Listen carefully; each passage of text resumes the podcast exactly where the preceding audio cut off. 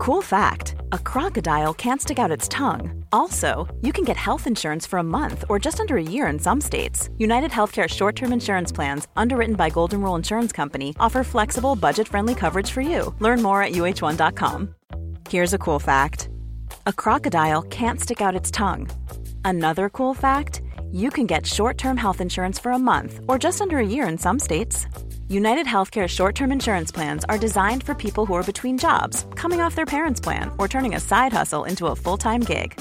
Underwritten by Golden Rule Insurance Company, they offer flexible, budget friendly coverage with access to a nationwide network of doctors and hospitals. Get more cool facts about United Healthcare short term plans at uh1.com.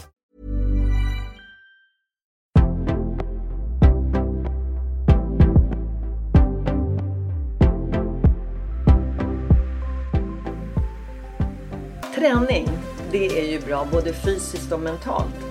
Och ibland kan man bli förvånad vilken fantastisk positiv mental påverkan det kan ha. Kanske till och med som man inte hade räknat med. Det var precis det som hände dagens gäst, författaren Åsa Bonelli. Varmt välkommen Åsa till Jag är modig. Tack! Du har ju tränat i princip i hela ditt liv. Av och till va? Mm, stämmer.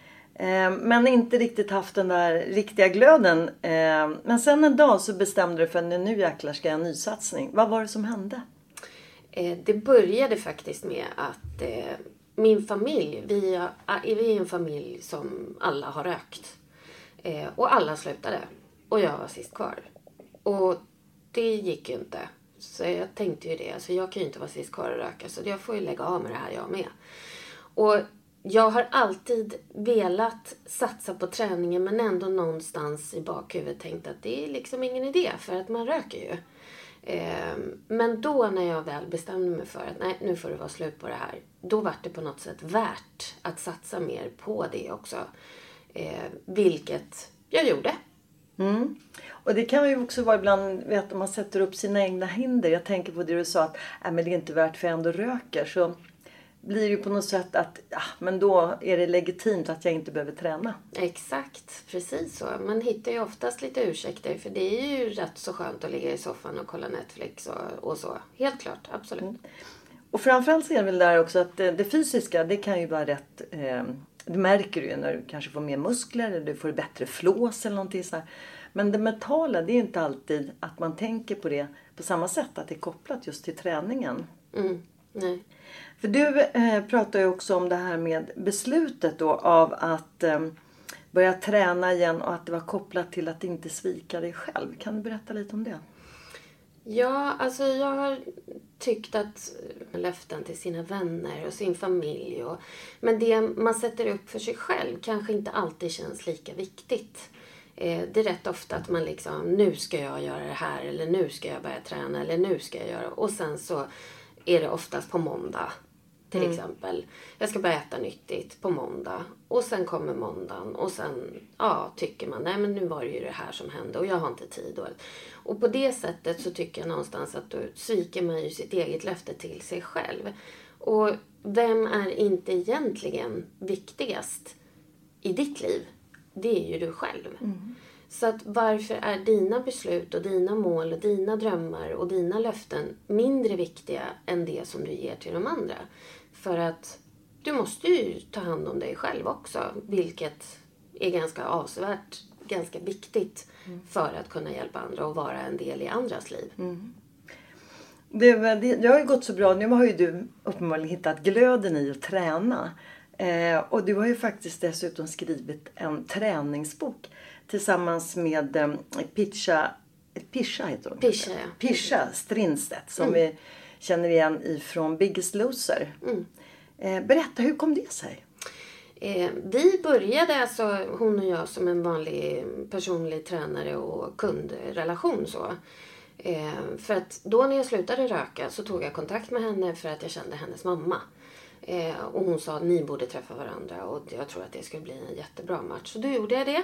Och förlåt, jag ska bara säga att jag tror att jag missade att hon är ju PT. Och det är ju det hon Ja. är i Biggest Loser Precis, också. precis. Eh, och eh, bokade upp mig för, eh, för att få träna med henne och så. Och så höll vi på så liksom i ett par, tre omgångar. Jag tränade med henne tio gånger, sen hade vi en paus och så där höll vi på. Så att, eh, och jag var kompis med henne på Instagram och Facebook och så. Och sen så såg jag att hon skrev på sin Instagram att eh, hon hade en bucketlist och på den bucketlisten så stod det bland annat att få göra en träningsbok. Så då var jag rätt snabb på att sträcka upp ena handen och säga att om du inte gärna vill göra det här på egen hand så skulle jag tycka att det vore så roligt att göra det här tillsammans med dig. Och, eh, ja, förmedla liksom glädjen som det har gett mig och, eh, ja, och våra, våra resor som det faktiskt också beskrivs om i boken. Um, så, det, så det var så det började. Mm. Det är jätteroligt.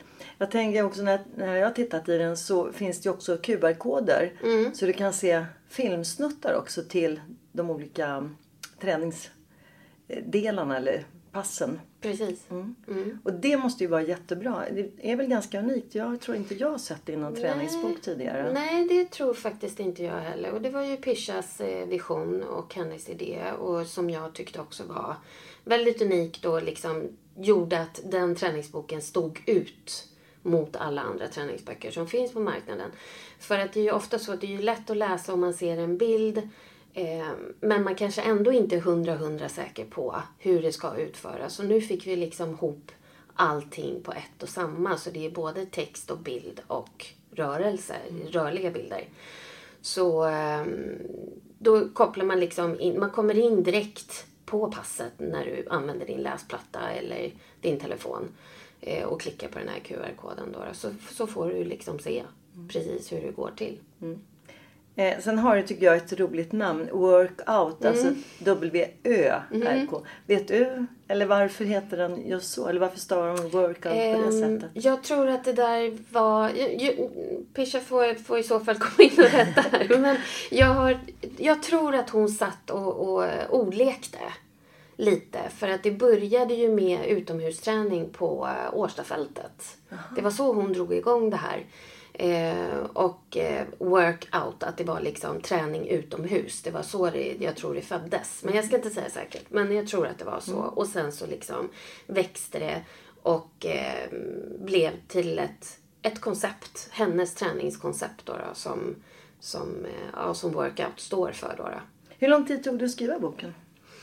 Eh, det gick faktiskt rätt fort måste jag säga. För det är ju lite annat att skriva liksom en klinisk text så. Och i det här fallet så gjorde ju jag det jag blev tillsagd. Nu ska du skriva det här och det ska stå där. Och, eh, så det var ju inget hittepå. Mm. Hittepå kan ju ta sin lilla tid och man liksom, ja, man vill ju förmedla känslor och så. Och det, det behövdes ju inte här utan det var liksom, jag redigerade, Pisha skrev sin text, jag skrev min text, våra personliga texter då och sen har vi då en expert i boken som heter Kalle Engström som står för den kliniska akademiska biten.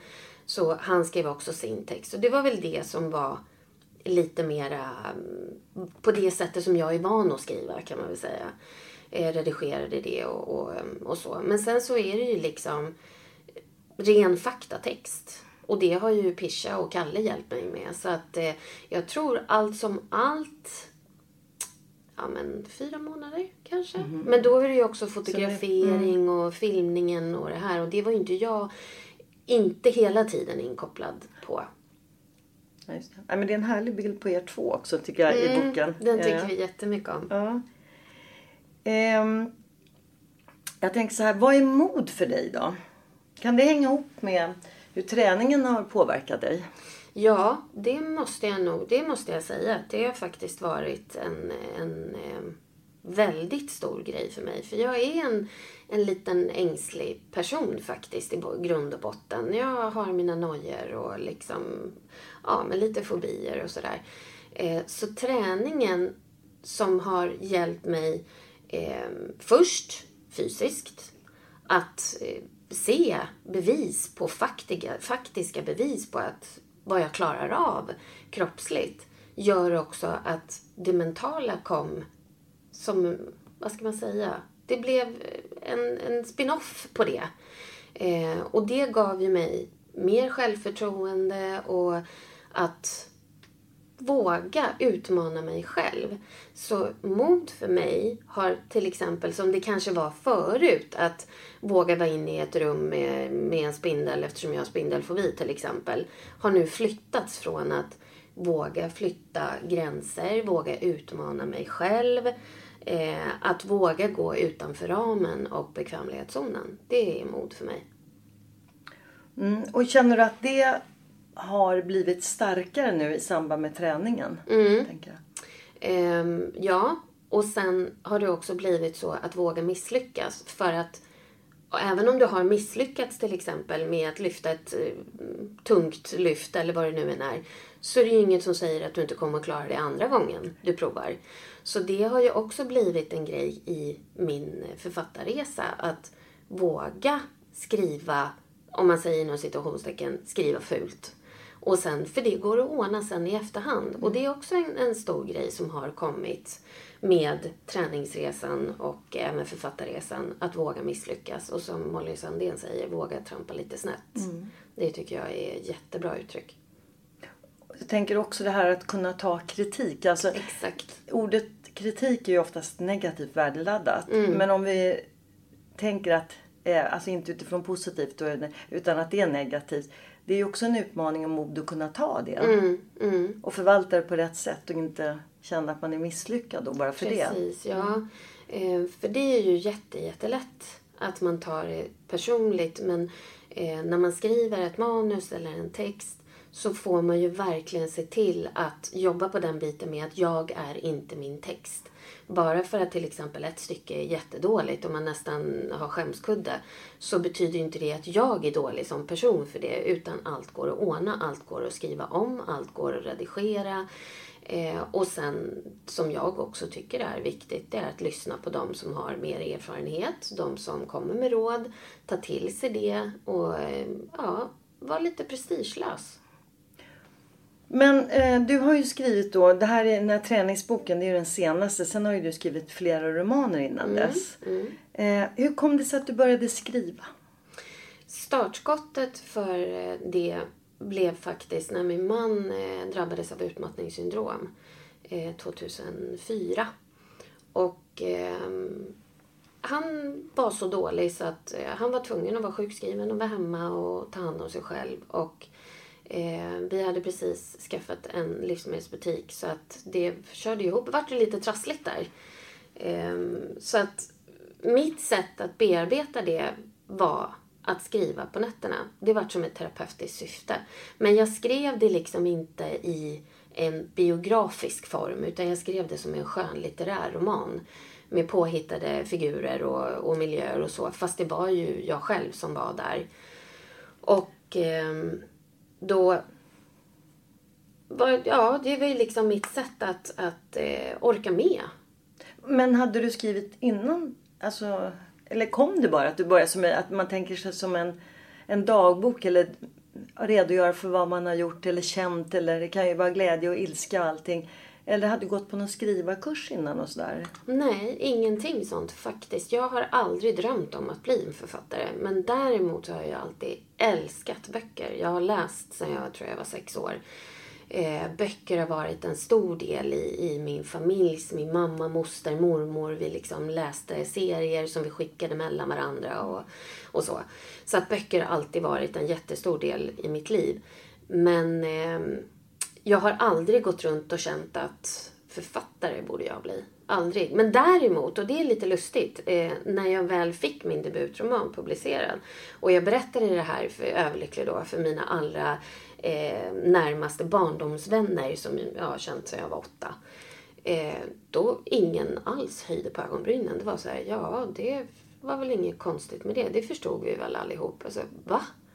Ja, nej men du var ju alltid den som satt sist kvar på svenska när vi uppsatt skrivning och inte ett minne av det. Så att mm. någonstans så fanns det väl där då kanske. Mm. Planning for your next trip? Elevate your travel style with Quince. Quince has all the jet-setting essentials you'll want for your next getaway. Like European linen, premium luggage options, buttery soft Italian leather bags and so much more. And it's all priced at 50 to 80% less than similar brands. Plus, Quince only works with factories that use safe and ethical manufacturing practices. Pack your bags with high-quality essentials you'll be wearing for vacations to come with Quince. Go to quince.com slash trip for free shipping and 365-day returns. Quality sleep is essential. That's why the Sleep Number Smart Bed is designed for your ever-evolving sleep needs. Need a bed that's firmer or softer on either side? Helps you sleep at a comfortable temperature? Sleep Number Smart Beds let you individualize your comfort so you sleep better together. JD Power ranks Sleep Number number 1 in customer satisfaction with mattresses purchased in-store. And now, save 50% on the Sleep Number limited edition Smart Bed for a limited time. For JD Power 2023 award information, visit jdpower.com/awards. Only at a Sleep Number store or sleepnumber.com. Wow. Nice. Yeah.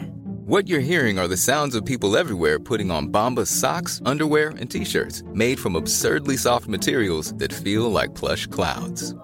Yeah, that plush. And the best part? For every item you purchase, Bombas donates another to someone facing homelessness. Bombas. Big comfort for everyone. Go to bombas.com slash ACAST and use code ACAST for 20% off your first purchase. That's bombas.com slash ACAST. Code ACAST. Eh, du nämnde att din man eh, hade ju fått en utmattningssyndrom. Det är ju, vi pratade med Ann Liljeroth här förra året just om det. Eh, och det är ju ganska vanligt bland kvinnor. Men det finns ju också flera män som drabbas av det. Men man pratar inte så mycket om det. Hur påverkade det er familj? För ni har ju två barn också. Det var, det var väldigt tufft. När man tittar tillbaka. Alltså det är ju ofta så. Om man genomgår en livskris och sen så kommer man ut på andra sidan och så tittar man tillbaka och så tänker man herregud hur hängde man ihop egentligen? Men man gör ju det på något sätt. Det finns ju inget annat val. Det är ju bara att köra ner huvudet och trampa på. Men det var väldigt tufft. Eh, vi har väl nu i efterhand förstått att han eh, studsade på ytan nästan. För att det finns ju de som det tar år att komma tillbaka. Om de någonsin gör det. Eh, Min man blev faktiskt, började bli sig själv redan efter sex månader. Sex, är sju, åtta månader. Så att eh, vi, vi hade tur. Riktigt tur. Eh, Så att, eh, men naturligtvis, det var, ju, det var ju inte bara han och jag som drabbades. Det var ju hela familjen. Det var ju barnen och våra syskon och våra mammor. och alla fick ju liksom. Och vänner, ja precis. Jag brukar säga det. Jag vet inte hur det hade gått faktiskt eh, utan vänner och familjen. För att de var helt fantastiska under den här perioden. Men hur länge sedan är det ungefär det här? Ja, Det var 2000, mars 2004. Som Okej. han, eh, så det är ju Ja, det är ganska många år sedan Ja, det är ganska många år sedan nu. Men ur den här sjukdomsbilden så eh, fick du ett, ett, ett nytt yrke och började skriva. Mm, precis. Eh, när han väl började bli mer sig själv och, och kom tillbaka till livet om man ska säga så.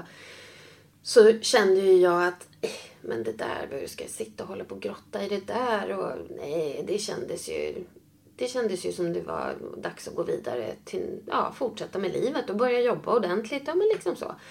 Men när jag väl la undan skrivandet då, det var ju inte förrän då som jag insåg att hur kul det faktiskt var och hur mycket det, det gav mig. Så eh, då började jag skriva på ett manus som jag krånglade till något fruktansvärt. Ja. och eh, tappade tron helt.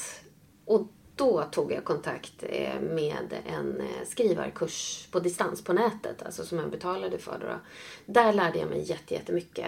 Och sen hoppade jag på flera stycken kurser som man får träffa likasinnade och, och så. Och det gav också en ex, extra skjuts till det här. Eh, det manuset blev det ingenting av med, så då skrev jag ett nytt. Och det blev jätterefuserat. Ingen, jag tror jag fick 28 nej tack. Oj. Ja, och det var ju... Och där gäller det då verkligen att känna att man, nej men vad sjutton, jag ska gå vidare i alla fall. Mm, precis. Och det är väl lite där då det här med löftet till sig själv. Att jag någonstans kände så här, okej. eh, barnen är stora, maken börjar bli frisk. Eh, jag tycker det här är kul. Nej, men det är väl bara att sluta hitta på ursäkter då. Om jag verkligen vill det här, då får jag ju lov att sätta igång ordentligt då. då. Så att du hade liksom några valmöjligheter där. Vad ska jag göra? Ska jag skriva om? Eh, eller ska jag hitta på något nytt? eller ska jag lägga ner? Skriva om, nej det, det går inte. Det är inte för mig. Alltså jag kan göra det till en viss gräns men det här var, jag förstår idag varför ingen ville ha det för det är inte bra. Det är inte. Det, Nej. Eh, men eh, så att skriva om det, det, nej, det vill jag inte. Så då hittade jag en tävling på nätet, eh, en novelltävling. Där temat var sommarkärlek. Och tänkte, ja men det kan väl kanske vara en bra grej att börja med då. Så jag började skriva på en historia då, men insåg ganska snart att, men herregud, det här är ju inte bara en novell, det här är ju faktiskt en hel bok. Så då la jag novelltävlingen åt sidan och istället så skrev jag om det här så att det blev till en roman. Och framförallt slutade hymla till andra om vad jag gjorde med min fritid. Och då liksom sa jag det, jag skriver. Jag skriver böcker faktiskt.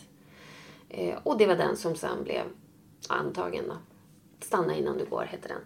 Och du har skrivit fem böcker? Sex? Eh, sju är det väl med tränings... Ja, med träningsboken tror jag. Åh Ja. gud, ja.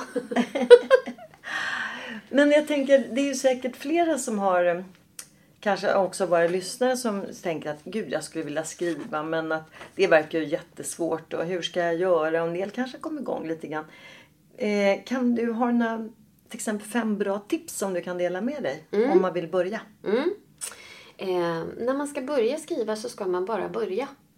Så enkelt är det faktiskt. Sluta tänka på en massa dos och don'ts och regler och börja bara skriva vad som helst. Eh, blogga, twittra, ha en anteckningsbok. Köp en jättefin anteckningsbok och en penna så det liksom känns lite speciellt när du plockar fram det här.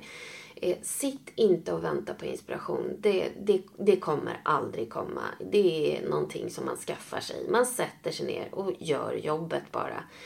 Eh, så att så var det för mig. Att bara börja. Ja. Det är ett, bara börja. Mm. Sätt dig ner på en gång. Och två, Ehm, så när du väl har börjat skriva, då fortsätter du att skriva. För det är verkligen A och O.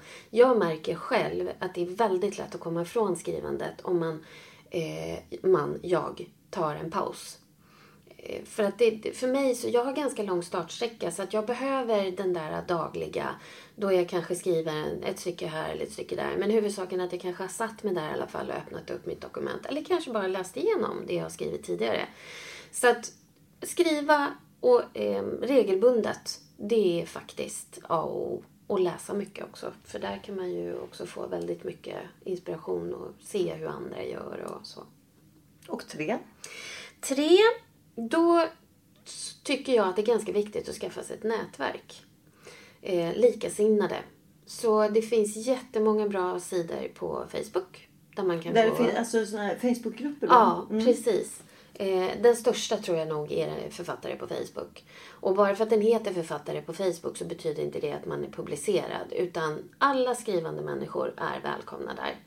Eh, där gick jag med och hittade flera stycken som sen eh, faktiskt fortfarande finns kvar som jag har väldigt mycket kontakt med.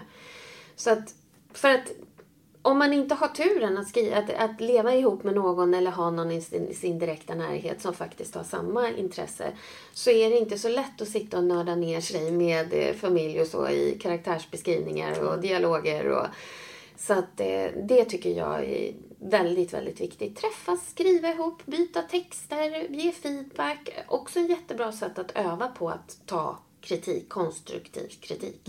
Ja, konstruktiv kritik, det är ju jättebra. Mm. Eh, Men där i den här Facebookgruppen som du nämner, författare, där är man liksom generös och bjuder varandra på liksom synpunkter eller vad man ska säga. Ja, det tycker jag nog. Och jag, fick, jag var på en bokcirkel eh, för inte så länge sedan och så pratade vi om det här med om eh, bokbranschen och författarkollegor och så. Eh, och att det var någon som frågade, ja, men ser ni varandra som konkurrenter? Och jag har varit i en del branscher och måste nog säga att det här är nog den mest generösa bransch jag har träffat på.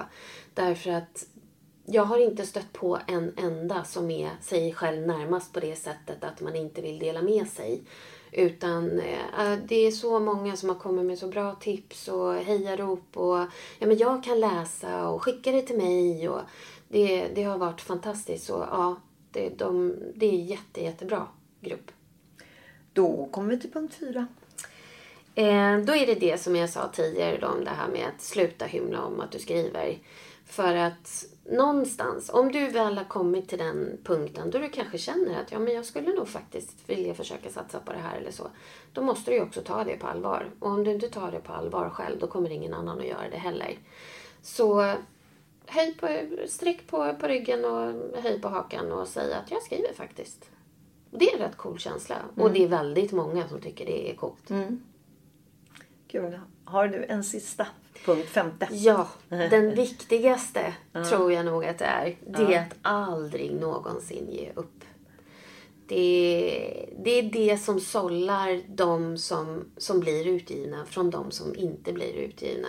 De som blir utgivna, de har skrivit och skrivit och skrivit om och skrivit nytt och kastat gammalt. Och, det är enda sättet. För att det är så ovanligt att en debutant blir antagen på sitt första manus. Det händer, men det är inte direkt vanligt. Utan det händer inte på första så kanske det händer på andra eller på femte försöket. Det, det är bara att göra jobbet. Vad häftigt.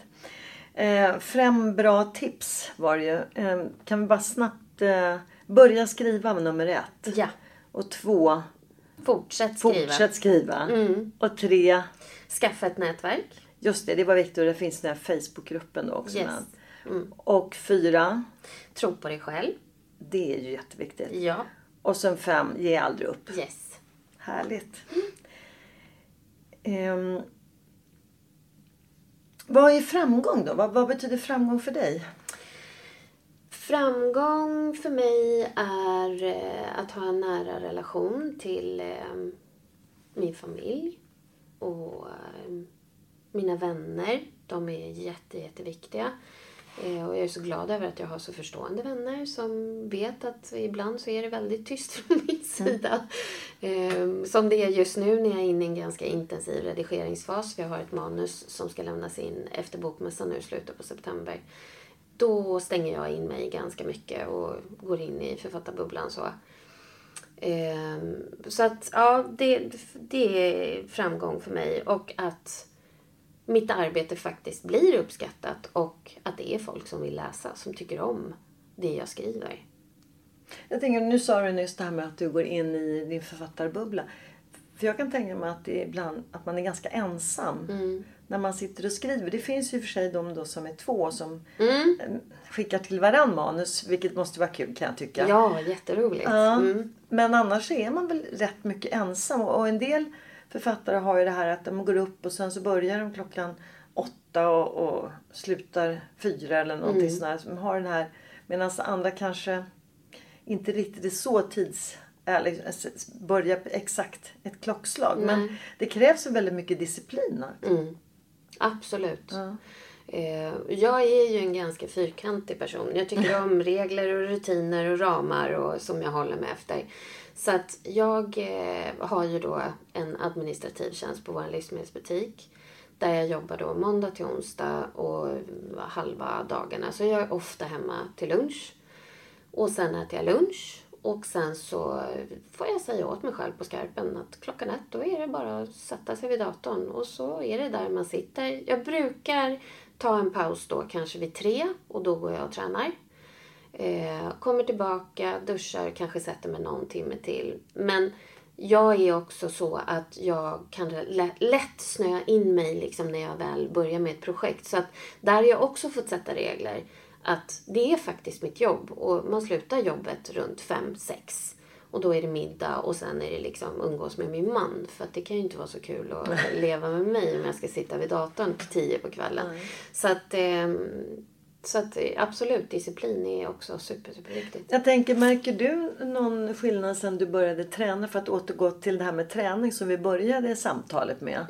Sen du fick den här bättre rutinen och kommer in i ett bra flow och har ju hållit i det ganska länge nu. Känner du att det också har påverkat på ett positivt sätt eh, i ditt sätt att skriva? Ja, eh, då skulle jag nog säga faktiskt att inte så mycket kanske om det är ett flow. Då kan det ju nästan vara lite jobbigt det där att måste avbryta för att åh nej, oh, jag borde ju verkligen gå ner och träna nu. Men ja, okej, då gör jag det. Men om jag däremot har en väldigt motig dag, för sådana finns det ju alldeles för många av tyvärr. Att man kör fast och det är nästan som om texten ska verkas fram och det, det blir blockeringar och hjärnspöken och allt vad det är. Då är det toppen att gå till gymmet för att då kör man så slut på sig själv så när man kommer hem då orkar man inte ha de där spärrarna utan då är det liksom så här, ja nu får det bli vad det blir och så, så redigera kan man alltid göra sen. Eh, får jag bara fråga, hur många gånger i veckan tränar du? Eh, mellan tre och fem. Oj! Det är, ja. Det är mycket. Tre i alla fall försöker Ja, jag ja. alla gånger. Mm. Så ja. Men du, träning är en sak också. Var, var hämtar du eh, ditt inre lugn och var, när och hur gör du det? Eh, då är det i träningen också då, då i och för sig. Men faktiskt så eh, spelar jag tv-spel. Jaha. Ja. jag är riktig tv-spelsnörd. Så att, Vad eh, spelar du då? Jag spelar aldrig så att jag vet Nej. Men vad är det för typ av spel? då? Ja, det är allt möjligt. Det, är, det mesta är eh, problemlösarspel. Alltså eh, action. Inte så mycket springa runt och bara slakta en massa. Utan det är liksom lösa problem och hitta nycklar. Och Mhm. Tomb Raider är bland annat mitt favoritspel. Där är en hjältinna som är huvudpersonen. då, Lara Croft. Mm. Just det, det har Ja. jag sett bilder på. Ja, precis. så, så mycket hänger med. Ja, annars- exakt. Jaha, vad otippat. och, och det är faktiskt också... Eh, Tv-spel kan inte jag... Jag kan inte bara, om jag vet att jag bara har en timme, sätta mig att ja, nu, jag har bara en timme på mig att spela. Det går inte.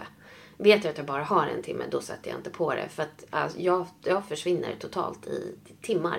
Men det är väl det som många gör? Ja. När de börjar att spela, att man sugs liksom in Ja. i det här. Ja. Precis. Läsa böcker är ju också en sån.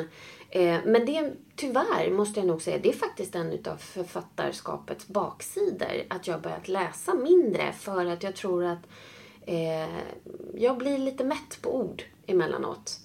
Så att, eh, ja, jag läser inte alls lika mycket längre som jag gjorde då när jag bara, in, när jag inte skrev. Men lyssnar du på böcker någon gång? Det gör jag. Det För gör det är jag. ett annat sätt, Ja, precis. precis. Så det gör jag. Mer än, än faktiskt än vad jag läser. Vad kul! Du, vi ska börja runda av här nu. Tiden har rusat iväg. Eh, men som sagt var, det här med att träna.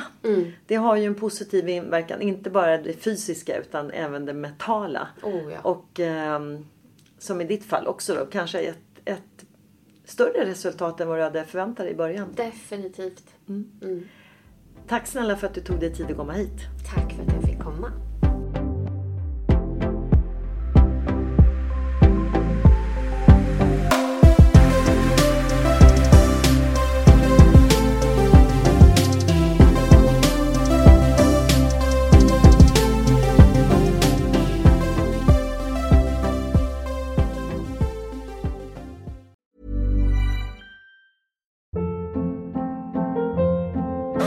Hold up. What was that? Boring. No flavor. That was as bad as those leftovers you ate all week. Kiki Palmer here, and it's time to say hello to something fresh and guilt-free. Hello Fresh. Jazz up dinner with pecan-crusted chicken or garlic butter shrimp scampi. Now that's music to my mouth. Hello Fresh. Let's get this dinner party started. Discover all the delicious possibilities at hellofresh.com. Hey, it's Paige DeSorbo from Giggly Squad. High quality fashion without the price tag. Say hello to Quince. I'm snagging high-end essentials like cozy cashmere sweaters, sleek leather jackets, fine jewelry, and so much more. With Quince being 50 to 80% less than similar brands. And they partner with factories that prioritize safe, ethical, and responsible manufacturing. I love that. Luxury quality within reach. Go to quince.com slash style to get free shipping and 365 day returns on your next order. Quince.com slash style.